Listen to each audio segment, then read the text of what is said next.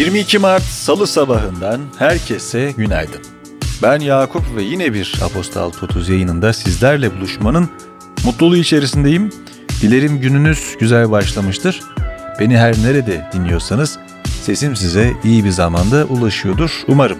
Hem dünyadan hem Türkiye'den önemli gelişmeler var. Müsaadenizle hemen onlara geçeceğim ancak öncesinde günün destekçisine de gelin birlikte bakalım. Şu anda dinlediğiniz bülten BİSU destekleriyle ulaşıyor.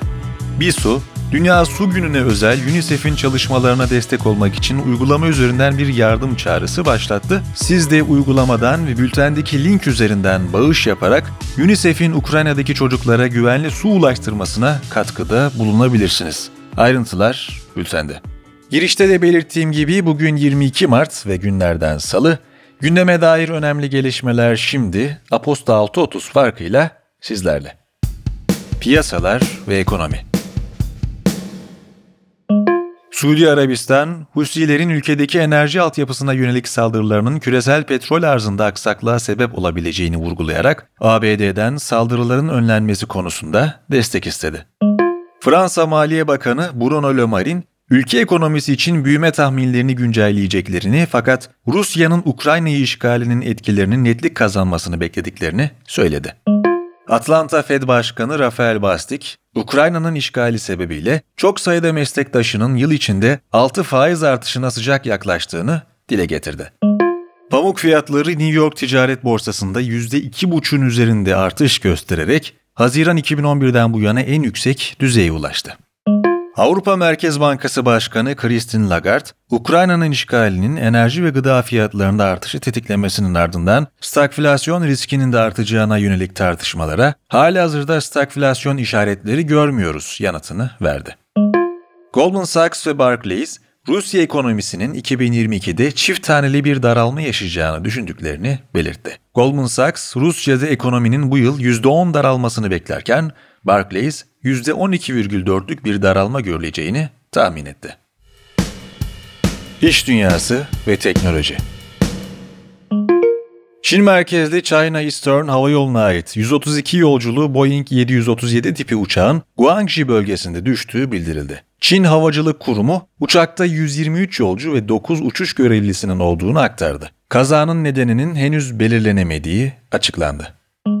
Çin merkezli gayrimenkul şirketi Evergrande Group ve iki iştirakine ait hisseler şirketin talebinin ardından Hong Kong borsasında işleme kapatıldı. Rusya'da bir mahkeme Meta'nın aşırılık yanlısı faaliyetleri olduğunu iddia ederek WhatsApp dışındaki uygulamaların yasaklanacağını duyurdu.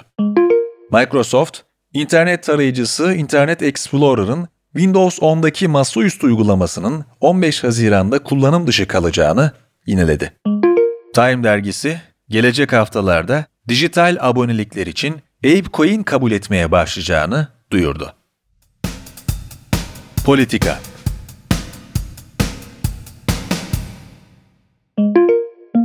Ukrayna'da sivillerin Rusya'nın saldırısı altında olan yerleşim bölgelerinden çıkabilmesi için 8 insani koridor üzerinde anlaşma sağlandı. Füze saldırılarının görüldüğü ve bir alışveriş merkezinin hedef alındığı Kiev'de 35 saat sürecek sokağa çıkma yasağı ilan edildi. Rusya, Mariupol'de insani koridorların oluşturulması ve tahliyelerin yapılması için Ukrayna askerlerinin şehirden çekilmesini ve silah bırakmasını istedi. Ukrayna bu teklifi reddetti. Avrupa Birliği ülkelerinin dışişleri ve savunma bakanlarının Rusya'ya petrol ambargosu da dahil ek yaptırımları görüşmek için bir araya geleceği öğrenildi. AB, Mariupol'de yaşananları savaş suçu olarak tanımladı. Çin'in ABD'deki büyükelçisi Çin Ken, ülkesinin Rusya'ya silah ve mühimmat göndermeyeceğini belirtti.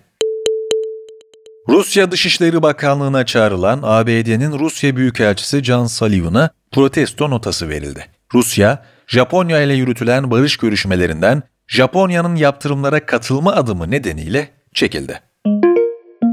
ABD Dışişleri Bakanı Antony Blinken, Myanmar ordusunun 2016 ve 2017'de Arakanlı Müslümanlara karşı işlediği suçları soykırım olarak tanıdıklarını açıkladı. Myanmar'da yönetimdeki askeri juntadan konuyla ilgili bir açıklama henüz gelmedi. Cumhurbaşkanı Erdoğan, Forum Metaverse isimli bir etkinlikte önümüzdeki dönemi bir dijital seferberlik dönemi olarak ilan ediyorum açıklamasında bulundu. Erdoğan, dijital ekonomi gerçeğine paralel olarak dijital hukuk düzeni kurulması gerektiğini söyledi. Diyarbakır, Muş, Ağrı, Şırnak ve Şanlıurfa'nın da aralarında bulunduğu çeşitli illerde Nevruz kutlaması yapıldı. Diyarbakır'daki kutlamalarda 298 kişinin gözaltına alındığı, 15 polisin de yaralandığı açıklandı. HDP eş genel başkanı Pervin Buldan kutlamalarda halka adaletten, barıştan, demokrasiden vazgeçmeyeceğimizi sizler bir kez daha ilan ettiniz şeklinde seslendi. Spor Mondo Duplantis Dünya Salon Atletizm Şampiyonası erkekler sırıkla atlama finalinde 6,20 metrelik dereceye imza atarak altın madalyanın sahibi oldu. Uluslararası Satranç Federasyonu Rusya vatandaşı Sergey Karyakin'i 6 ay turnuvalardan men etti.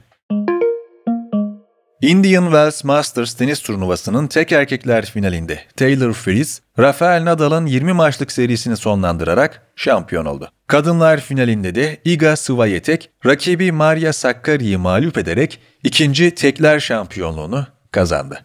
Bu haberle beraber bana ayrılan sürenin sonuna geldik ancak bülteni yayını kapatmadan evvel günün hikayesinde önemli bir konunun sizlerle oluşturulduğunu söylemek isterim. Bildiğiniz üzere dün önemli bir gündem vardı. Gezi ve Boğaziçi davaları. İlki Memirler, eylemlerin yargılanışı, Gezi ve Boğaziçi davaları başlığıyla bu haberin detaylarını sizlerle paylaşıyor. Göz atmayı unutmayınız.